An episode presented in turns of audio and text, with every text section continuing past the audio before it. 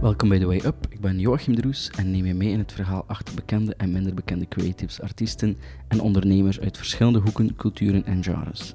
In deze reeks ga ik wekelijks dieper in op de weg naar hun succes en de obstakels die ze overwonnen hebben om er te geraken. Dit is part 2 van mijn gesprek met Wilson. Mocht je deel 1 gemist hebben, beluister het zeker voor je begint aan deze episode. We pikken in op de stap naar zelfstandig worden en groeien als persoon. Je krijgt ook enkele tips van Wilson hemzelf over hoe je best begint in de filmwereld en wat je beter niet doet. What the fuck nu, hè? Ja, ja, ja. Ik ben nu zelfstandig. Hè. Ik moet sociale lasten betalen. Ik moet... Ik zat al, ik zat al 1000 euro meer op maand en, en kwartaalbasis zien te draaien. Ik weet van niks. Ik heb maar een paar contactjes en that's it. Ja. Dus ik ben compleet in een zwart gat gesprongen. Springplank. Ja. En dat is die springplank waar heel veel mensen de dag van vandaag nog altijd bang voor zijn. Hè? Of stress Bang bij woord, Of ja. stress. Ja. Van shit. Maar je moet het gewoon doen. Mhm. Als je het gevoel hebt dat je het moet doen, just fucking go. Want ik heb dat gedaan en het is tot nu toe. En ik zeg niet dat vandaag, zes jaar later, Ja. makkelijker is per se. Het, het blijft moeilijk hoor. Mhm. Ehm, lang vooral kort. Ik denk dat ik elk kwartaal nog wel een keer een crisis doe. Als het tijd is om alles af te ronden en Ja. te doen. Hè. En dan zie je wat dat er binnenkomt. En dan zie je wat dat er allemaal buiten gaat aan rekening betalen. En Mhm. dan draai je je hoofd compleet gek, omdat je denkt van, oeh, ga ik in godsnaam ooit buffer opbouwen of Ja. stabiliteit of een basis voorzien om Ja.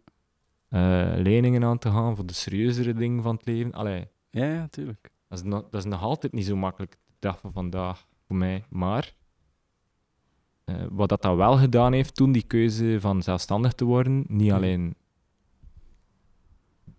de, het systeem een beetje van mijn rug Ja, haalt, ja, maar, ja. maar vooral plotseling zijn in staat om internationaal open te trekken. Ik heb dat ook gedaan. Dat is de positieve kant van dat verhaal, de belangrijkste eigenlijk voor mij. Ik heb dat gedaan omdat ik ehm, moest kunnen factureren aan buitenlandse bedrijven op dat moment. Dat begon te komen. Ja. Hey, die paar connectietjes dat ik opgebouwd had, Mhm.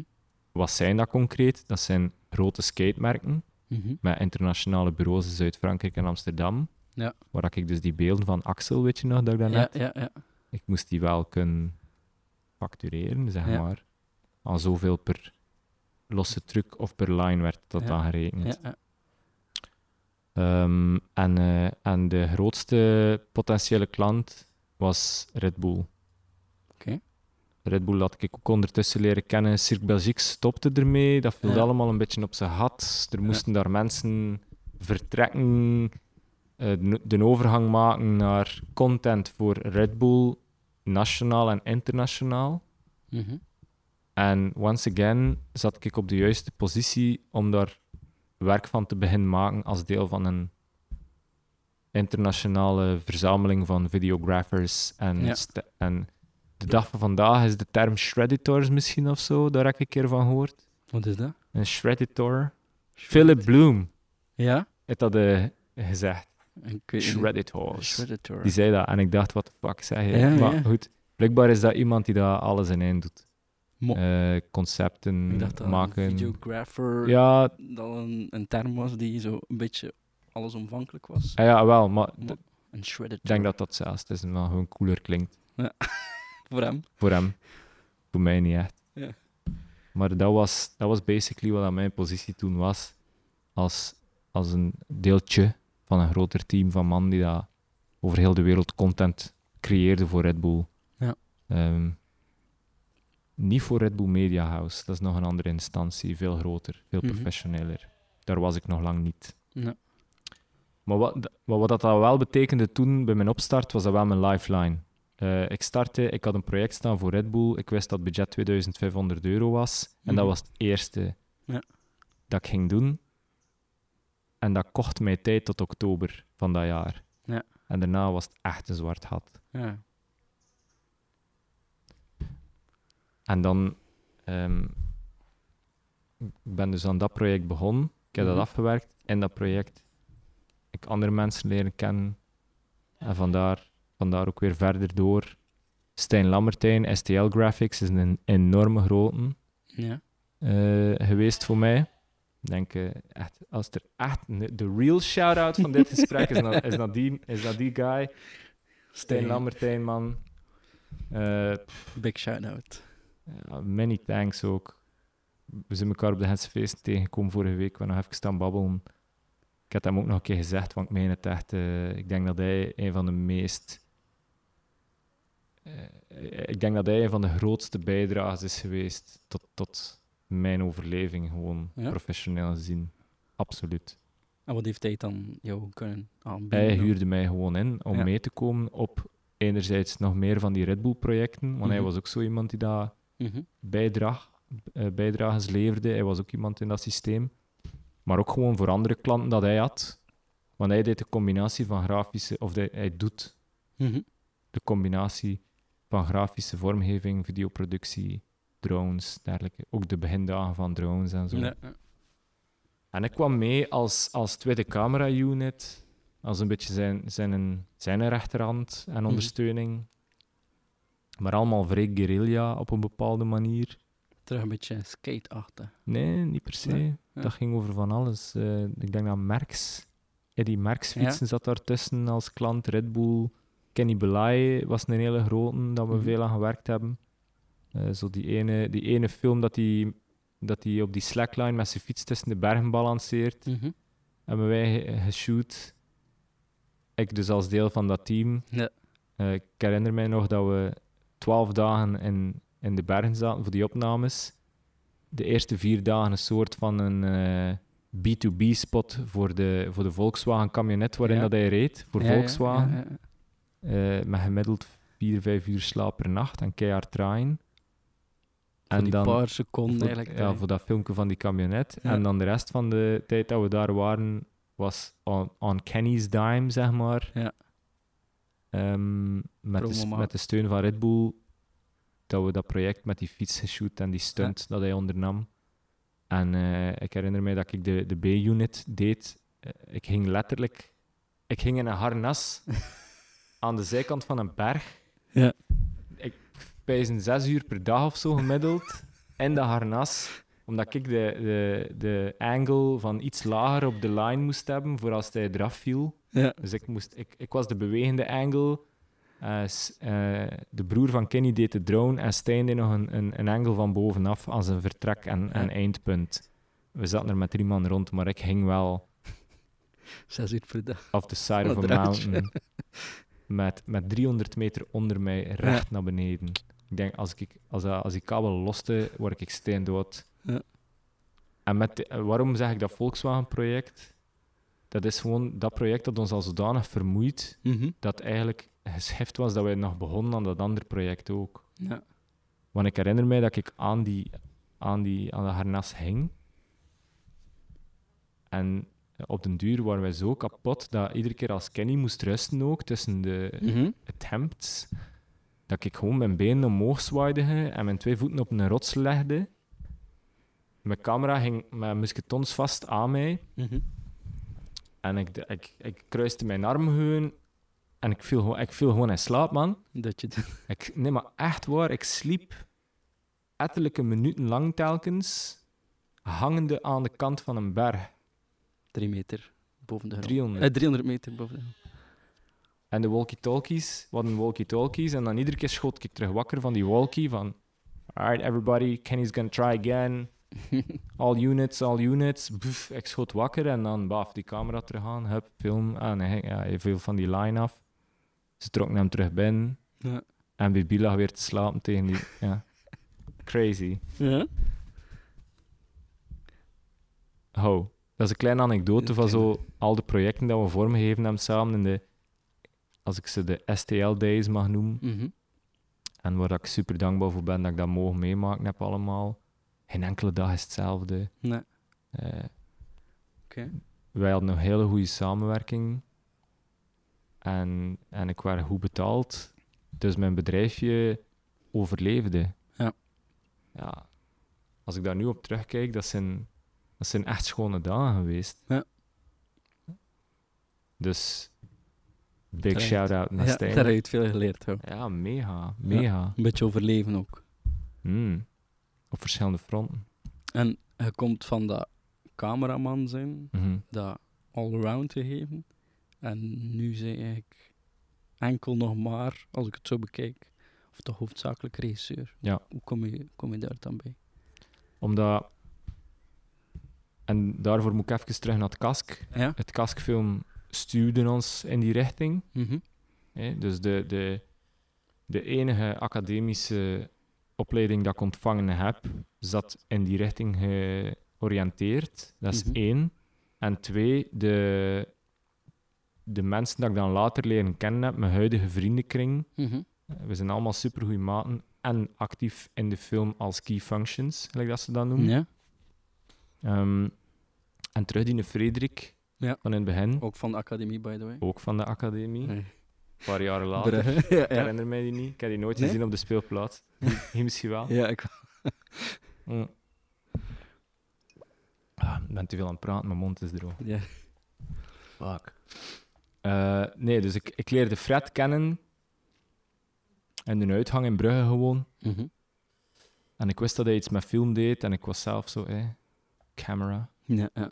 Dus ik herinner mij dat ik naar hem ging en ik zei: Yo, eh, ik doe ook zo wat camera. Ik wil, ik wil terug. Allee, ik wil terug. Ik wil eigenlijk naar dat hogere niveau eh, stappen, maar ik weet niet goed hoe. Mhm. Mag ik anders uw assistent worden een beetje of zo? Of heb je, heb je iemand Ja. nodig? Ja, kijk, dat, ik denk dat dat een van de enige keren in mijn leven is geweest dat ik naar iemand ben gestapt met de vraag van... Ja. Kun je me gebruiken? Kun je- ja, kan ik iets doen voor je? Ja. Ehm, eh, never ask that question, kun je me gebruiken. Sorry. Never do it. Nee, echt waar. Dit is ook een tip voor al die jonge starters op die manier. Ja. Vanaf dat je de vraag stelt van kun je me gebruiken, ik snap dat, dat is iets West-Vlaams voor ons voor te zeggen. Mhm. hé. Maar als je niet oplet daarmee, en ik zeg niet dat de hele sector zo is, in tegendeel, maar er zijn mensen, there are people out there Mhm. Die echt aan Als gebruiken. je, ja, als je nog maar, als je nog maar de indruk heeft dat ze je kunnen gebruiken, Ja. misbruiken, they will. Dus het advies is, stap naar iemand en... En vraag, wat kan ik voor u betekenen? Ik Ja. denk dat wij wel iets samen kunnen doen. Ja. Onderzoek het eerst misschien een keer Ja. ook allemaal. Want ik wist wel wat dat Fred deed. Hè. Mhm, mhm. Ik wist wel wie hij was en wat hij deed. Ja. Ehm, maar het is eigenlijk op die manier dat ik daarin terecht ben gekomen dan in de high-end, gelijk dat ze het noemen. Ja. Ik was eerst de camera-assistent van Frederik. Ehm, drie maanden. Wat dat niet zo lang is eigenlijk. Maar drie maanden ben ik dus de, de second AC geweest. Ja. De second assistant camera. En wat houdt dat in? Kabels sleuren? Ka- toen nog, ja. Maar nu is alles wireless met Teradek en zo. Maar toen nog was dat is dat? pelicases. Twee jaar geleden, drie jaar geleden? Nee. Wanneer is dat? Ja. Ehm, drie, vier. Ja. Ik ben nu vier jaar, vier jaar regisseur. We're oké. coming up on four years. Ehm, ja, Dus maar kabels dus kabels sleuren, pelicases, eh, de lenzen aangeven aan de eerste assistent. De eerste assistent is de focus puller, is ook de technische chef van het cameradepartement. Hij is eigenlijk verantwoordelijk voor alles wat dat camera technisch, elektronisch technisch is. Ehm, in de zin van eh, een goede camera-assistent is zijn goud waard, omdat als je in de woestijn zit en je camera is naar de kloten, een hele goeie. Mhm. En ik, ik spreek echt over de commando's van de camera-assistenten. Die gasten gaan een, een, een setzak mee hebben, gelijk dat dat noemt, vol met spare parts en ditjes en datjes, en die gaan dat kunnen herstellen. Oké. Er zijn er niet veel. Ehm, maar ik had de chance om wel onder zo, onder zo een te, te, te werken. Mhm. Eh, Shout-out Fancy. Fancy is eh, nog altijd de goede maat van ons ook. En die werkt nu als eerste camera-assistent op alle hele grote producties in Volg hem ook op eh, Instagram. Ja, hij is echt eh, gespecialiseerd in die job. En dat was toen ook al. Die Ja. besliste dat gewoon. En, voor, dat soort mensen heb ik altijd massas respect gehad. Dat Ja. gewoon zo van... eh, ik, ben, ik kies ervoor om de eerste assistent te zijn camera en ik ga daar alles over leren. Ik ga daar het Mhm. allerbeste in worden, to my own abilities. En Ja. fuck it. Doorgroeien is niet nodig voor mij. Ik wil geen DOP worden. Nee, Ik wil geen... Ik ben de dat. beste in dat vak. Ja. En door hem ben ik eh, opgeleid tot tweede assistent. Of ik zat in een opleiding, zeg maar. Noemt dat een werkstage, noemt dat whatever. Eh, en dat gaat, echt over, dat gaat echt over meegaan op guerrilla shoots met die man, eh, portfolio shoots op eigen tijd en moeite en geld. Camera's gaan halen in de rental company en gewoon scènetjes bij elkaar denken en shooten. Mhm. Omdat Freddy misschien vermist ging draaien en hij moest portfoliowerk hebben. En ja, next thing you know waren wij aan het doen wat we afgelopen donderdag ook gedaan hebben. Ja. Ergens in Antwerpen, in de bijtende kou, aan het shooten. En dat is gelukt. En ik was een assistent daar. En het werkte goed en het lukte, ja, ja, absoluut. En dan fast forward a few months, Ja. tot op de dag dat het gesprek kwam. En dit is eigenlijk, als je mij, nou, eh, if you, als je mij de vraag stelt van, maar hoe ben ik regisseur geworden? Dat is na een paar maanden cameraassistent te zijn, Mhm. kwam het gesprek op een avond onder ons allemaal, Fred, Vincent, ik, ehm, van, en Benedict van Akker was daar ook bij, is art director. Eh, ja. ja, zij zijn een assistent, maar ook onze hele goede vriend Tejaar, eh requisiteur. Mhm. Zo, dat soort gasten, Christophe, een vormgever die dat ook in de film veel posters doet en zo. Dat is onze vrienden, vriendenkring.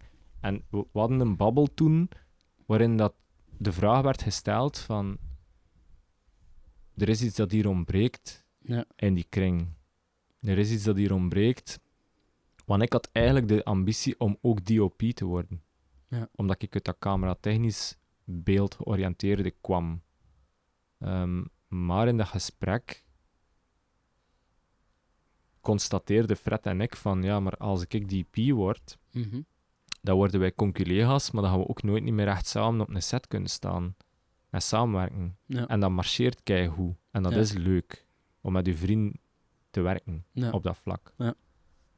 Dus ja, what's the alternative? Mhm. En voor mij was dat redelijk snel duidelijk en voor de rest ook van oké, wat ontbreekt er hier in die groep? Dat is een regisseur. Niet per se die dat die groep, groep samenbindt, Nee. Maar gewoon, Ik- het zou ons niet meer staan, moesten er deel van uitmaken. Ja. En dan heb ik gewoon letterlijk gezegd van oké man, ik ga dat doen. Ja. Ik ga mij daarop toeleggen en ik ga daar, ik ga daar, ik ga daar induiken. Ik ga dat doen.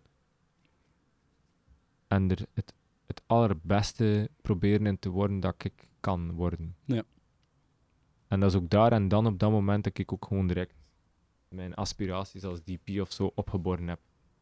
Gewoon op een avond. Ja. Achter een babbel. Omdat dat, dat, je- dat voelde juist. Ja, ja. Snap je? Mhm. Dat is eigenlijk grotendeels hoe dat ik marcheer Ja. in de wereld. Dat als, ik, het- als ik het gevoel heb dat het juist zit, dan ga Ja. ik het waarschijnlijk wel ook op die manier doen. Gut feeling. Ja, en ma- ja gut Ja. feeling enorm, maar ook gewoon soms wel fout hoor. Ja. Soms maak ik daar fouten tegen, hè? dat zal wel. Mhm. Maar die avond was geen fout. Ja. Integendeel, eh, ik denk dat dat een van de beste keuzes van mijn leven is geweest. Maar hij doet het nog altijd goed. Maar we doen ons best. We doen ons best. kan altijd beter, weet je. Eh, er zijn ook zoveel collega's en conculega's en Mhm. opties voor degene die daar iemand zoeken van mijn beschrijving van mijn job. Moet je vechten voor je job? Enorm. Ja. Ehm, En wat, wat maakt jou dan anders dan, dan een conculega? goh. Ik weet, niet zo, ik weet niet zo goed wat dat mij zozeer anders maakt, Ja. maar als ik po- positieve punten zou moeten labelen, dan is het, dan is het gewoon... Je eh, cv. ja, hè. Positieve Wat zijn mijn pro's en cons? ik denk dat je mij gewoon een keer moet ontmoeten. Het gesprek. Ja, ik Zoals babbel nu. te veel, hè. Ik ben, Ja. ik ben een grote babbelaar, Dat hè. is goed voor de podcast. Ja, ik ben een grote babbelaar. Dat is zo. Dat is absoluut zo. Maar wat ik ambieer van te, te worden, is een betere luisteraar. Ja. En dat is hetgeen wat dat volgens mij een van de, de, de voordelen is aan met mij werken. Dat is gewoon, Mhm. als ik... Ook al had het over reclamematerie en we zijn er om het product mee te verkopen en dergelijke. Mhm. Dat is gewoon zo. Maar ik heb wel principes op dat vlak. En ik moet wel echt iets voelen bij wat ik wil doen. En als ik het niet voel, dan doe ik het gewoon niet. Ja. Ook al zet ik mijn eigen in de shit, financieel. Ja. Of wil dat zeggen dat ik straks een meltdown ga krijgen bij het afsluiten van mijn kwartaal? Ja. Of een discussie met mijn vader of mijn moeder over van... You're 30 years old, man. Ja. Wat ga je doen? dat, dat, dat maakt allemaal niks uit op dat moment. Ja. Dus je moet dat gewoon voelen. En als je het voelt, doe je het. Als je het een klein beetje voelt, doe je het. Want dan gaat de hoesting wel komen.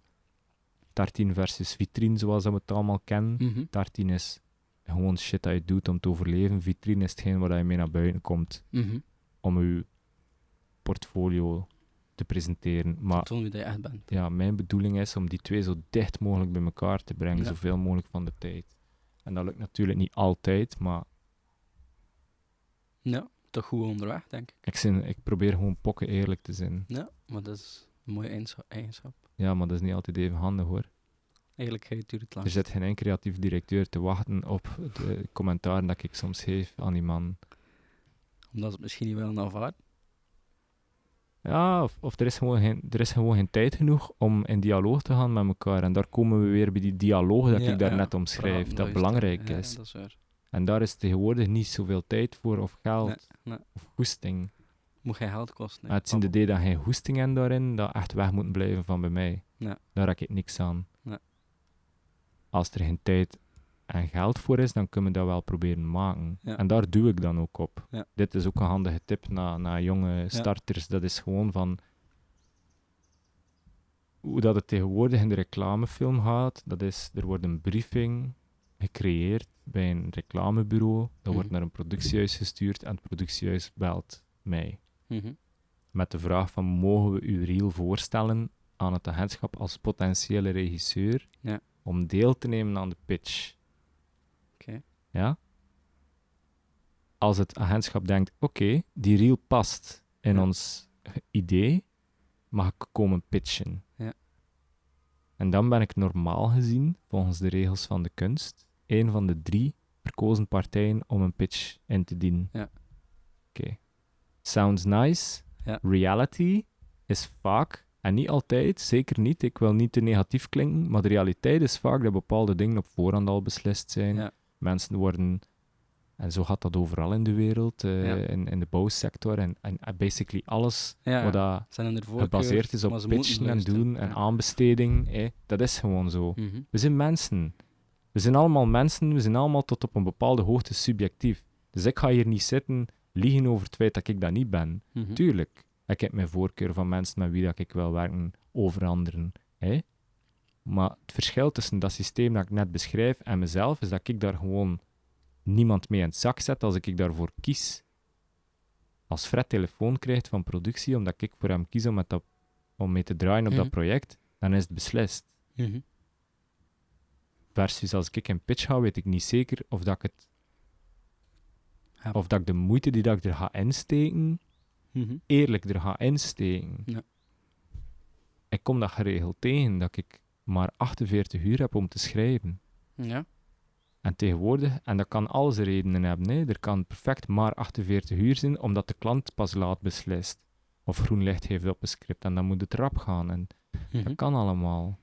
Maar even goed, heb die 48 uur maar, omdat het agentschap zo lang gewacht heeft om je te contacteren, zodanig dat je in het nadeel staat ten opzichte van de partij die al verkozen is, Ja, achter gesloten deuren. En dat is een beetje de moeilijkaart om te filteren, maar je weet het nooit Dat is zeker. niet bewezen. Yeah, nobody has a Ja. face in that story. Ja, ja, ja. En, en ik wil dat voor mezelf in de eerste lijn proberen aanvechten, zodanig dat ik minder, de, allee, minder die momenten tegenkom waar, waarop dat ik tot vier uur s'nachts doorgewerkt heb om mijn presentatie af te werken. Want ik heb geen vormgever Mhm. die dat de vormgeving van mijn presentatie doet, zoals misschien bij hele grote productiehuizen en Mhm. dergelijke, of, of de tijd en het geld daarvoor. Ik moet het allemaal zelf doen. Mhm. Eh, dus ja, ik werk daar wel hard aan. Ehm, en, en dan is het wel, dan, dan doet het wel zeer, om eerlijk te zijn, als je erachter moet komen, of op zijn minst de notie krijgen van Ja. dat de kans redelijk groot is dat dat geen fuck uitgemaakt hebt wat Ja. je juist gedaan hebt. Verloren energie of... Enerzijds wel, anderzijds niet, want die pitchdocumenten blijven bestaan. Je kunt is- er natuurlijk wel nog een beetje uit recycleren links en rechts. Mocht dat ook niet te veel doen, anders val je in een bandpatroon en dat is Mhm. denk ik nooit goed voor eender van ons. Mhm. Maar eh, Maar als er één iets is dat ik echt wel, dat, dat, waar ik van spuug tegenwoordig, dat is echt hoe dat, dat in elkaar zit. Mhm. Ehm, maar ja, het is gelijk dat, het is gelijk dat de wereld is. It's a, it's, ja, it's a tough world. Mhm, mhm. Ehm, en, en dat bestaan de laatste zoveel jaren in die sector, in dat high-end eh, segment, hebben, Mhm. hebben, hebben mij wel veel harder en zakelijker gemaakt. Ja. Dus daar ben ik dan ook weer dankbaar voor. Je leert eruit. Ja, e- eigenlijk ben ik allee, over het algemeen wel heel dankbaar. Ja. Ik heb ook fucking veel stress. Dat is gewoon zo. Ja? Niemand Dit- mag dat eigenlijk overliegen, hè. Stress bestaat nee, gewoon. dit is een stressvol bestaan, man. Ja. Ik bedoel, je weet nooit. Denk zelfs als je op het hele hoge niveau zit, is het, nog, is het nog moeilijker, want dan moet je die positie behouden ten opzichte van al diegenen die dat in de positie staan waar ik mij deels nog in bevind, Mhm. waarin dan een jonge starter voor of achter of onder of wherever the fuck dat je hem wilt hebben, Mhm. ten opzichte van mij zich bevindt. Ehm, dus stressvol is het absoluut. Mhm. Ik denk dat ik in de laatste drie jaar eh, meer grijze haren ontwikkeld heb dan in de laatste tien. Ja. En dan kun je je afvragen, waarom, waarom stop je dan niet gewoon Ja. of zo? Of waarom zoek Ja, je wat is je drive? Wat is waarom, je drive? waarom, waarom, waarom zoek je niks stabielers of zo? Wat dat komt. Ik geloof, en dat is mijn drive. Ja. Mijn drive is mijn geloof in het feit dat ik dit kan. Ja. Mijn drive is het geloof in mijn, mijn, mijn abilities om dit werkbaar te maken voor mezelf. Ja. Ik ben niet bezig met, met, de, met de side notes. Als in een, ik ben niet bezig met, met veel geld verdienen. Ik ben niet bezig met een succes. Ik ben niet bezig met rode lopers en al dat soort dingen. Nee. Dat zijn allemaal, al die dingen dat ik nu opnoem, zijn neveneffecten van hoe goed of slecht dat je bezig zit met je eigen métier te ontwikkelen. Ja. Met je eigen passie te volgen. En dat is wat dat is. Dit is voor mij, en dat meen ik echt, dat is pure passie. Mhm. Voor, voor, voor alles wat ik ooit gedaan heb in eender vorm, maar vooral voor dat regisseren. Ja. En dat is waarom dat die keuze toen in, in die bewuste avond, dat gesprek, juist zat. Ja. Ik, ik had echt het gevoel dat ik zo wat thuis kwam, versta je? Zo Ja. van, oké, puzzelstukken alright, moet je nog massa's leren. Ja. Ik heb fouten gemaakt, zal wel. De eerste keer dat ik op een set kwam, dat we camions hadden, Joachim, voor set en, en, en lichtdepartement. Ik had het gevoel dat ik eh, op de kermissen zat. Net wel, ik had zoiets van, oh shit, check, er is hier 30, 40 man crew om iets te doen wat in mijn hoofd zit. God damn, stressvol. Ja. Ik was hyped. Ik was zo hyped dat de producer slecht kwam van mij. Ik heb er drie jaar niet voor gewerkt. Dat is de max. En nu zijn we kwijt een goede vrienden Ja, ja, ondertussen. Ondertussen. Ondertussen. Ik heb een tweede kans gehad. Less hyped, of, of Beetje, kan hij ermee leven? beetje kalmer geworden. Ja, ja. Maar ik weet dat nog. Ik liep toen eh, ik, eh, een kie zonder kop op die Ja, set ja. rond. Omdat ja, je zit, er is niks wat je voorbereidt op dat soort Nee, dingen. nee, Geen nee, school in de wereld bereidt je voor op dat soort dingen. Je komt, je wordt, je wordt meegepakt en je wordt gedropt op een plaats waar dat er plotseling immens veel impuls en, en prikkels zijn die dat je niet... Je, hebt- je kent het niet. En you need to be cool, want Ja. iedereen kijkt naar jou. Dan denk je, shit, die regisseur is hier aan het rondlopen. Fucking hyped. Maar veel shit ging ook mis die dag. Ja. Maar echt mis. Jouw schuld? Of? Nee. Nee. nee, nee. We, we kregen slecht weer. Er gingen, eh, ik weet nog dat we met een voituur traveling draaiden. Ja.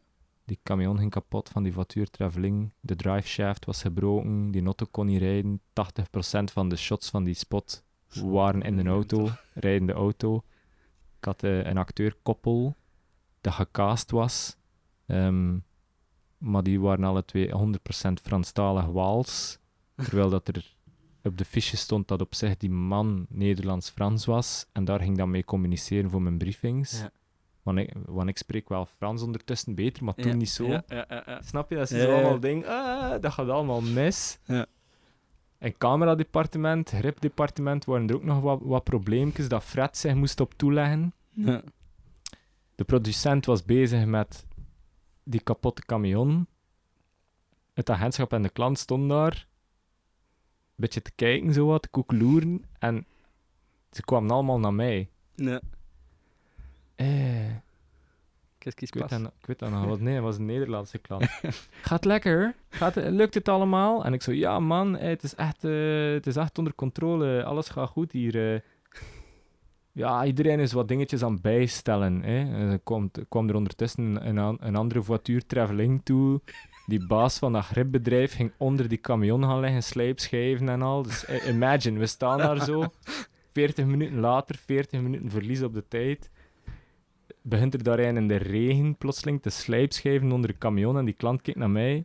Alles goed. Gaat het nog? En ik, yep, alles perfect. Maar ik was ondertussen ja, heel tijd aan het luilen tegen die man. En Ja. Gewoon om er aandacht af te houden van alles wat dat fout ging.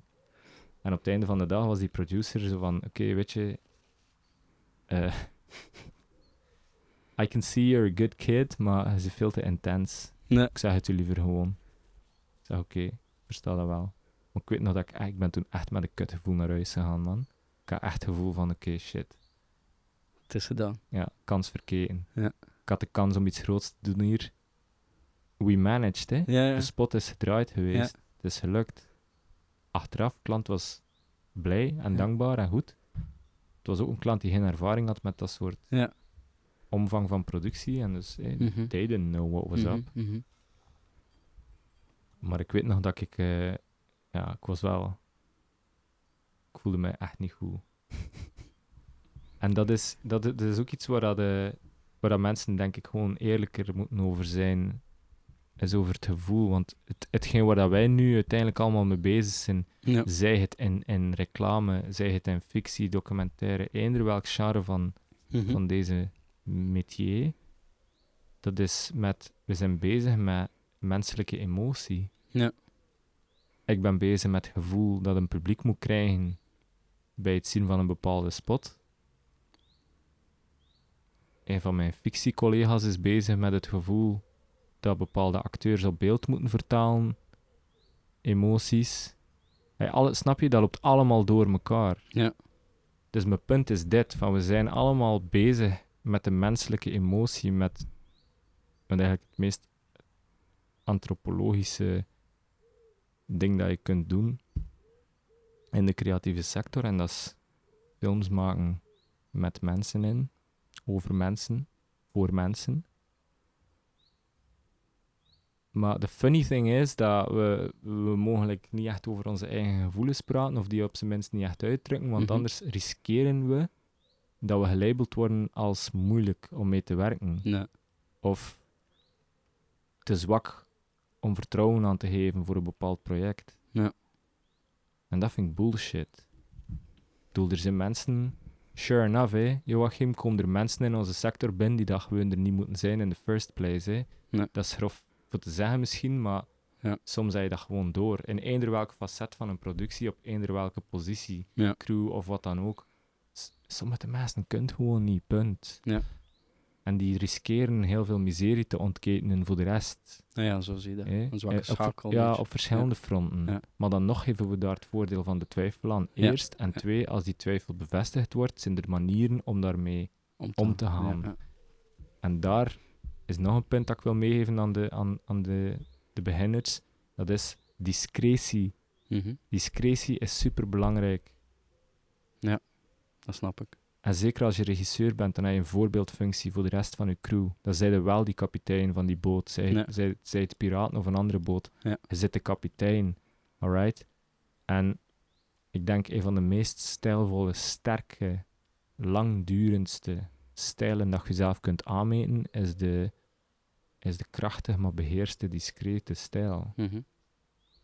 Ja. Als het mijn hoesting niet is, ga je het weten. Ja. Dan ga ik het zeggen. Maar ik ga niet schreeuwen over Hans de set waar dat 30 man bij staat naar een acteur die dat ik niet, die dat ik niet goed spelen vind. Nee. Ik ga ook niet onder vier ogen naar die acteur gaan en zeggen: Sorry, maar ik vind dat je het niet, ik vind dat je niet kan. En je kunt zeggen: van ja, maar is dat dan niet, is dat dan niet hypocriet van je? Nee, dat is berekend, dat is slim. Ik bedoel, Ja. als jij een figurant hebt die dat een, een, een zin moet uitspreken en Ja. het gaat niet, dan is het best dat je die figurant zijn takes laat doen. Ja. nog, nog twee, drie takes eraan geeft, en als het tegen dan echt niet goed komt, dan rap je gewoon die figurant. Uh-huh. Bespreek je met je eerste regieassistentie van oké, ik, ga die, ik ga die figurant rappen, maar het wil niet zeggen dat ik het heb. Ja. Hè? Dus we pakken even dat ene shot Ja. vanuit dezelfde kant, met dezelfde bezetting Ja. technisch, pakken we ertussen. Als die figurant vertrokken is, pakken we een nieuwe figurant en laten we het nog een keer doen als Ja. onder het label van een variatie. Mhm. Dan had hij die mens gespaard. Ja. Dan had hij uw overige figuranten en acteurs en edelfiguranten en iedereen gespaard. Mhm. Dan heb je geen stress gecreëerd. Want als je roept, godverdomme, je kunt er niks van, Ja. ga maar naar huis, fuck. Dan had iedereen direct stress over shit, dat is niet gelukt. Ja. Misschien doe ik het ook straks fout. Ja. Snap je? Dat is gewoon... welke regisseur is dat? Ja, oké, we staan nu niet bepaald bekend om, eh, om de makkelijkste te zijn in de wereld om mee te werken of whatever. Ja. Regisseurs zijn wel het wat, hè. Dat is muzikanten eh, zijn ook zo gezegd allemaal scheefpoepers. Je niet voor algemeen. Nee. Ehm, maar er is wel wat van. Dat, Is dat, dan, is dat dan jouw geheim om jouw vak uit te oefenen? Nee, Discretie? nee, nee, nee. nee. Dat, dat is zeker geen geheim, want anders... Nee, de Of is geheimen... dat de secret sauce? Ja, de secret sauce, daar ga ik niet over praten. Weet je? Iedereen nee, heeft ja. wel zijn eigen... Ja. Iedereen heeft wel zijn eigen dingetjes en manieren die dat dan allemaal cumuleren in een soort of a secret sauce. Ja. En, en ik vind dat dat iets is dat iedereen voor zichzelf Ja. moet ontwikkelen Ja. en uitzoeken en creëren. Maar, en dat is een zeer fijne lijn, Ja. we moeten het wel nog blijven zien als, als een soort van een open source onder collega's. Mhm, mhm. Er zijn collega's van mij, niet extreem veel, maar toch een paar, waarmee dat ik contact heb. En wij delen, wij delen met elkaar. Sharing is caring. Deel je het dan de secret sauce of deel je het dan op Ja. een ander vlak? Ja. Over bepaalde dingen wordt er gepraat. Maar zeer, ja, zeer onder, onder elkaar. Allee, zeer eh, intern is dat. Ik vind dat ook sommige van die dingen intern moeten blijven. Ja. Eh, dat is net, denk ik, de part of the attraction of Ja, trying tuurlijk, to tuurlijk. become. Ja. Als iedereen de secret sauce heeft, al als ze twintig jaar zijn, dan komen ze nergens zeker. Allee, ja, of dan denken ze al dat ze het zijn. Ja, dan lopen ze ook gewoon in de weg van hun eigen ontwikkeling eerst. Ja, en dat. van ons twee. Mhm. Ehm, want dat is het wel. Dat is denk ik een beetje een. een, een eh, hoe zeg je het? Het spook van de tijd. Mhm. De instant society. Instagram. Instant delivery. Deliveroo. Iedereen wil het direct iedereen, al, die iedereen, topregisseur, iedereen die knipt, ja, iedereen Ja. knipt met zijn vinger en Mhm. het moet er zo gezegd zijn. Mhm, Terwijl dat, dat eigenlijk in hetgeen dat wij doen of proberen te doen, mhm, totaal, tot, totaal niet logisch is. mhm. Ik bedoel, denk dat hij dat Francis Ford Coppola als in 20 jaar Apocalypse Now had kunnen maken? Waarschijnlijk niet, hè. Kans is niet groot. Ja. Het kan hoor. Want we hebben het hier wel over een Ja, cinematografisch Oeh, genie. ja. Maar dan nog, al die mannen moeten groeien. Mhm. Zijn dochter Sofia, ik bedoel, dat zijn de tweede generatie, die het al misschien iets meer mee gehad, maar die komen een andere probleem tegen. Het probleem van de labels. You're the daughter of, so therefore you must be able to do this. Mhm, mhm. Ja, je, start, je startniveau is, is honderd keer groter en je hebt nog altijd dezelfde ervaring als ik op die set met die camion die kapot ging. Hè. Je moet ergens beginnen. En dat is ook mijn boodschap aan, aan, aan de jeugd. Ja. Je moet ergens beginnen. Ja.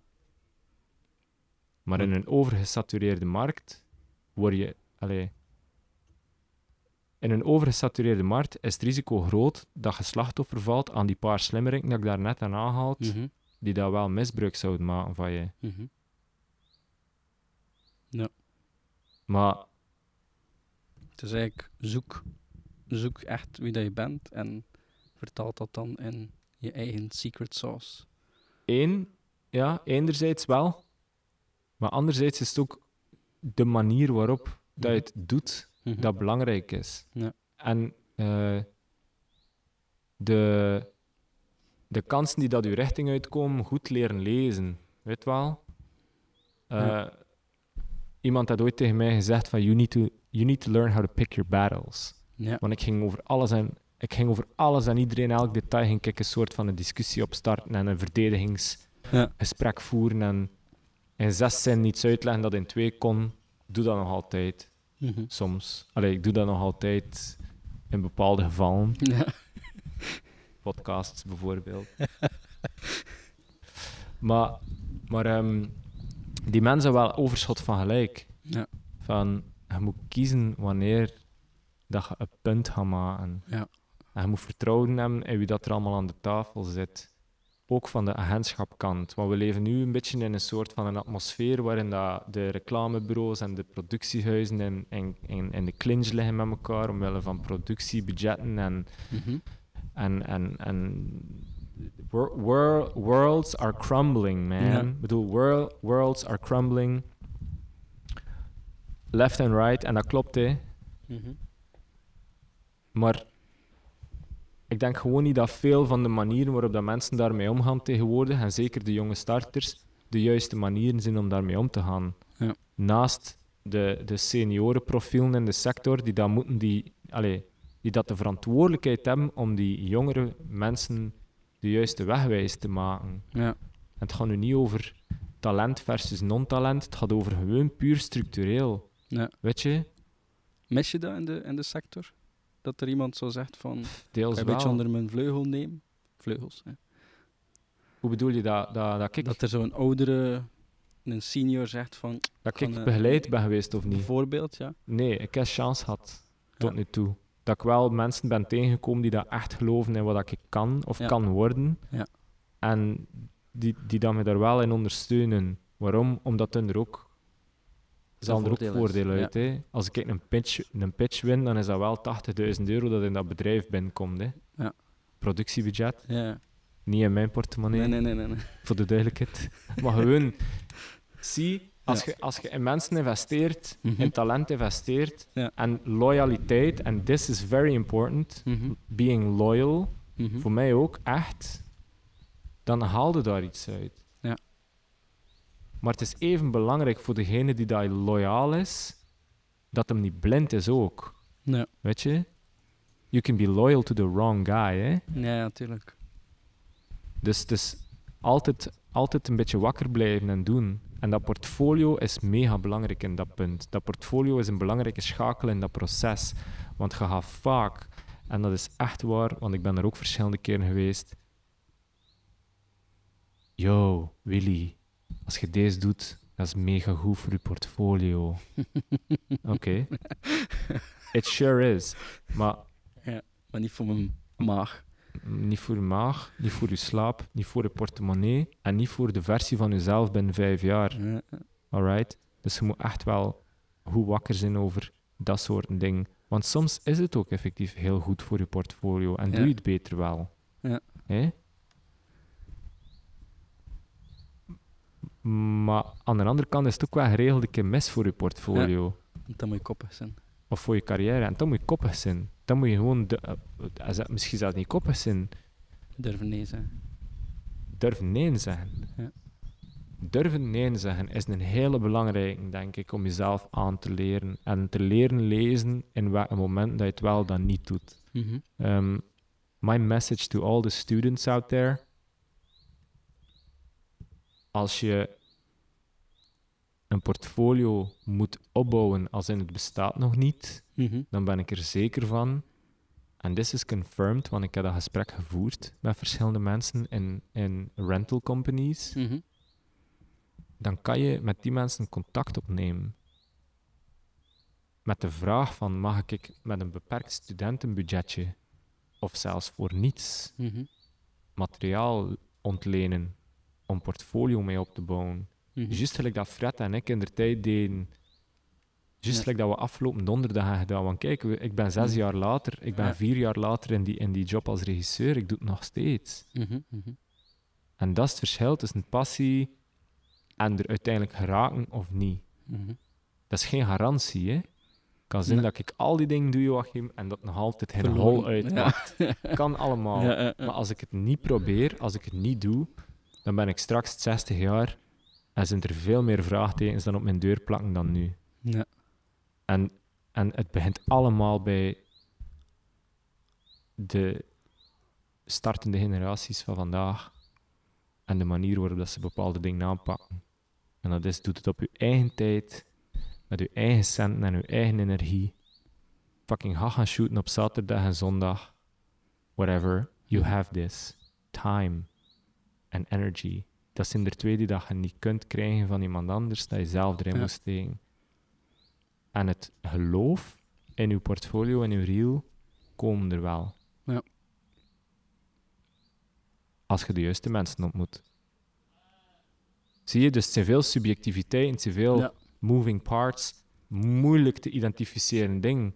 Maar ja, als ze makkelijk te identificeren waren, dan, dan hadden wij geen zo'n waardevolle job of industrie. Ja, ja, ja. Als straks Wereldoorlog 3 is, is onze job quasi niks niet meer waard. Hè. Ik bedoel, dan is de bakker plotseling duizend keer waardevoller. Hè. Je moet daar geen illusies over creëren. Nee, is zo. Maar het is nog zo gezegd een tijd van vrede en, en creatie en de kunst staan voorop. Dus, yo, Ja. dan moeten we het gewoon allemaal doen, weet je. Oké, Dus, eh, gaan we hierbij afsluiten. ja, als je nog dit ik ken nog dit, hè. ik kan nog over dingen praten. Ik weet niet, ik heb het gevoel dat ik nog ergens wel het een en het ander niet echt gecoverd heb, maar Is het waar? we hebben veel gepraat over eigenlijk hetgeen dat minder belangrijk is en dat is zo de jeugd en de opstart. Wat wil je nog coveren? Ik ben even aan het nadenken. Nog Ja, de toekomst, hè. Ik vind dat ik ten eerste, ik vind dat ik ten eerste zelf nog echt redelijk jong ben. Ik word binnen twee weken 31 jaar. Ik bedoel, Nee. dat is pretty young, man. Ja, Als je het, als het ziet in termen van de industrie waarin dat wij ons bevinden, Mhm. ik heb nog, ik heb nog heel veel te doen. Ja. Maar je bent nog jong, hè? Ja. En, en dat is een beetje het, het tragicomische soms van mijn positie, want ik zit in het middenveld. Ja. Ik zit qua leeftijd in het middenveld. Dus ik zit tussen de vuren van. Pardon. Dus ik zit tussen de vuren van de, van de gevestigde waarden die dat hun positie moeten verdedigen, bij wijze van spreken, tegenover de jonge starters die Ja. dat met aanstormend geweld en ongeduld de positie van die gevestigde waarden willen claimen 20 jaar vroeger in de tijd.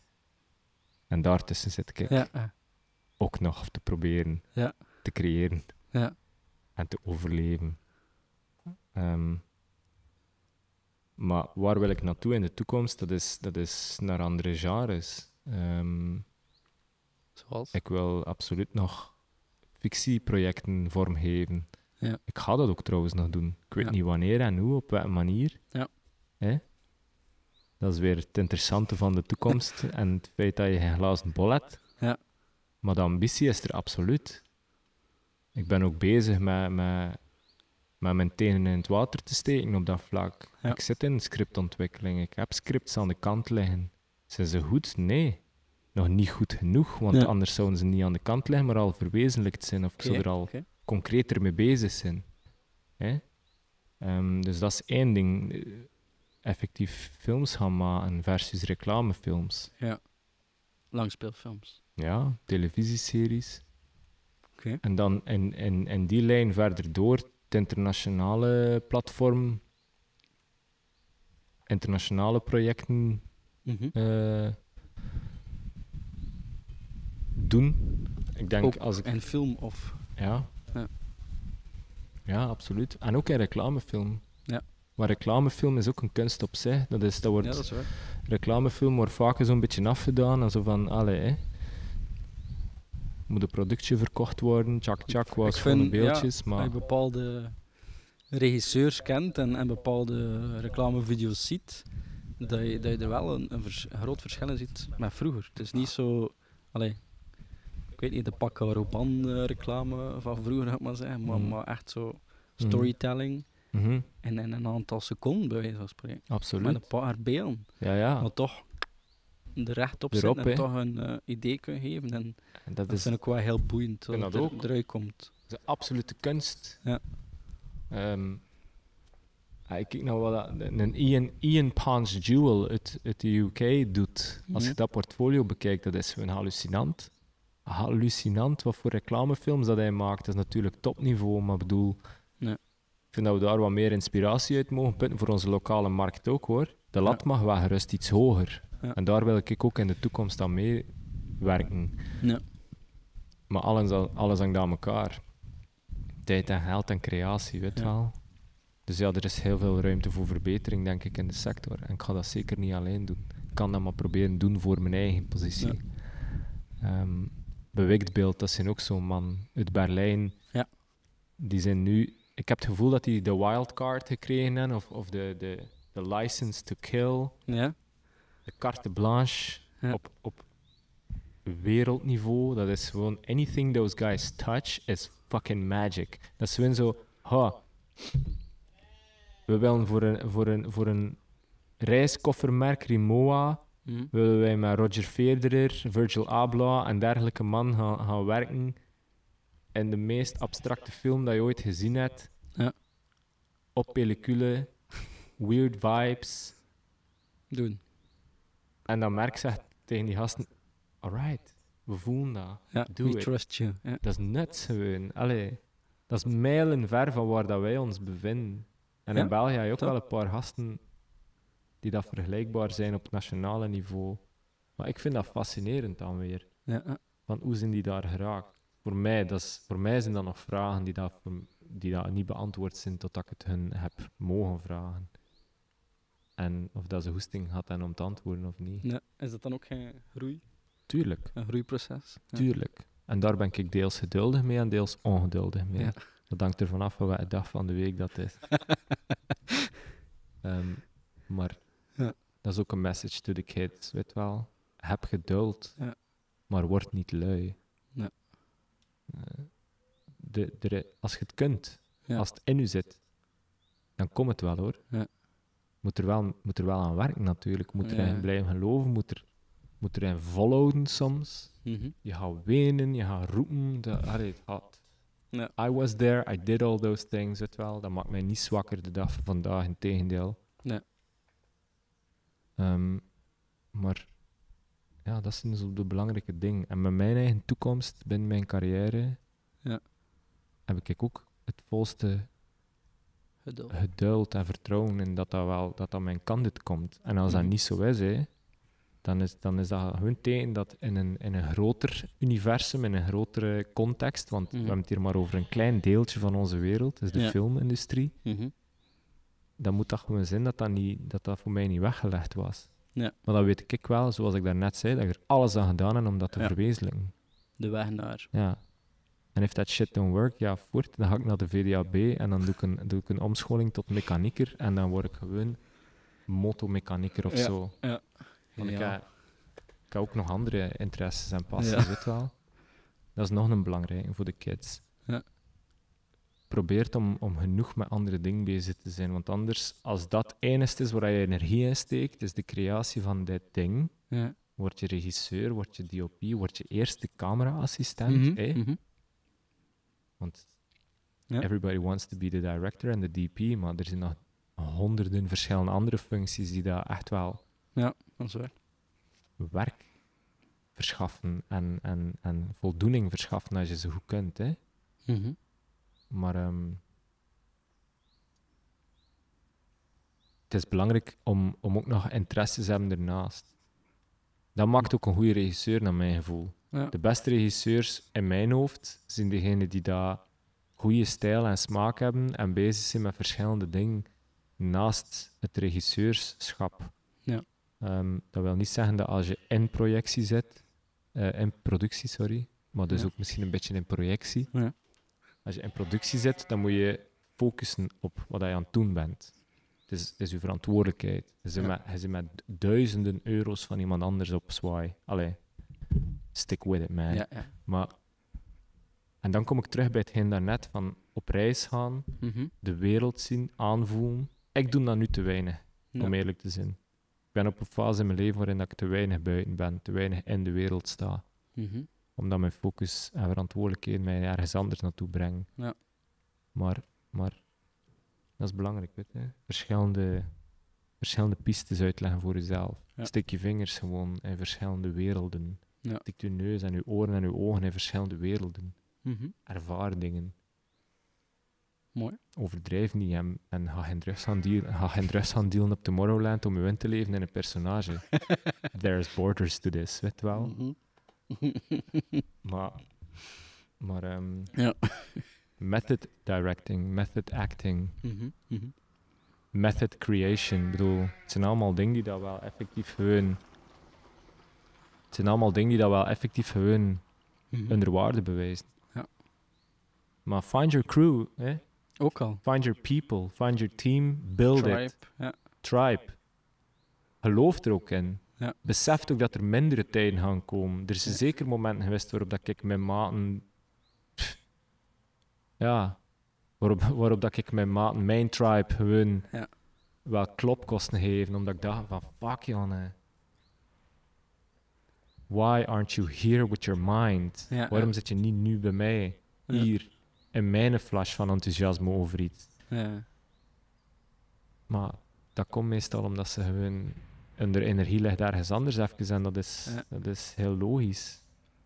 Want we zitten in de instant society. Het is niet meer de internet of things, het is de internet of all the things, Ja. anytime. En dat is vermoeiend, kerel. Dat is niet makkelijk, denk ik, voor iemand die dan nu 20 jaar is en eraan moet beginnen. Ja. Eh, want het is niet makkelijk voor mij, tien jaar later, tien jaar ouder, zeg maar. Ja. Dus. Beetje meer, beetje meer samenwerken, beetje meer elkaar laten doen ook. Dat is dan mijn boodschap. Ja. My humble message to everybody in this world. Ja. Eh, laat elkaar gewoon een keer wat meer doen of zo. Respect. Kom ik niet slecht van je buurman met de Maserati. Heb je dak boven je hoofd? Cool. Kun je die Maserati kopen, maar stik je liever het geld in de ontwikkeling van je kinderen? More power to you. Ja. Ik ben even zaagd voor die gasten Maserati, had die hem Ja. dat goed bevoeld. Maar ik weet niet, ik heb een klein beetje minder jaloezie of zo. Ja. Dat zou denk ik heel veel doen aan de algemene positieve ontwikkeling van de mens en de wereld, waarin dat wij mooie films mogen maken. Chic. Voor de mensen die jou, oh, die jou willen volgen of, of dingen bekijken, waar kunnen ze terecht? Mm, Die zeggen van, kunnen we wel een keer zien wat hij gemaakt hebt? Of, Op Instagram ehm, is de handle Observer Wilson. Alles aan elkaar. Observer. En eh, de website is wilson.com met drie i's. ja, Ehm, we gaan dat posten. Hè. ik heb mij geïnspireerd op de High Power van Kendrick Lamar's Section 80 album. Het nummer High Power met drie i's. Ja. Omdat dat, garant, allee, omdat dat represent staat voor de filosofie die dat ik net uitgelegd heb. Oké. En ook gewoon omdat Wilson.com bezet was door Wilson Sporting Goods. Klein merkje. Ja, oké. Maar dat is nu de joke. Het is veranderd. Willy Crank, Ja, letterlijk, letterlijk van ehm, potentiële parental guidance problemen in de UK, is, Ja. omge- is omgeschakeld naar... Nu krijg ik heel tijd foto's toegestuurd van die volleybal uit Wilson. eh, die volleybal Wilson ja, ja. uit- uit de Tom Hanks film Tom- Castaway. Maar I like that joke more. Ja, oké. It's fine. Is goed. Oké, merci. Dank u wel. Hopelijk heb je genoten van de eerste twee episodes met de regisseur Wilson. Elke week krijg je een bekende of minder bekende creative te horen over zijn of haar start en weg naar succes. Je kan meer terugvinden over de show of andere toekomstige afleveringen beluisteren via www.zwartwit.agency radio. Je kan je ook abonneren via anchor.fm, Spotify of Apple Music. Je vindt ons terug op Instagram, Facebook of Twitter onder zwartwit.agency en stuur ons gerust je vragen door naar hello@zwartwit.agency. Wie weet beantwoorden we deze in de volgende episode. De Way Up werd gecreëerd door mezelf, Joachim de Roes, en geproduceerd door Zwartwit. Deze episode wordt opgenomen in de Zwartwit Studio en op locatie in het huis van Wilson. Ik ben Joachim de Roes en je luistert naar The Way Up.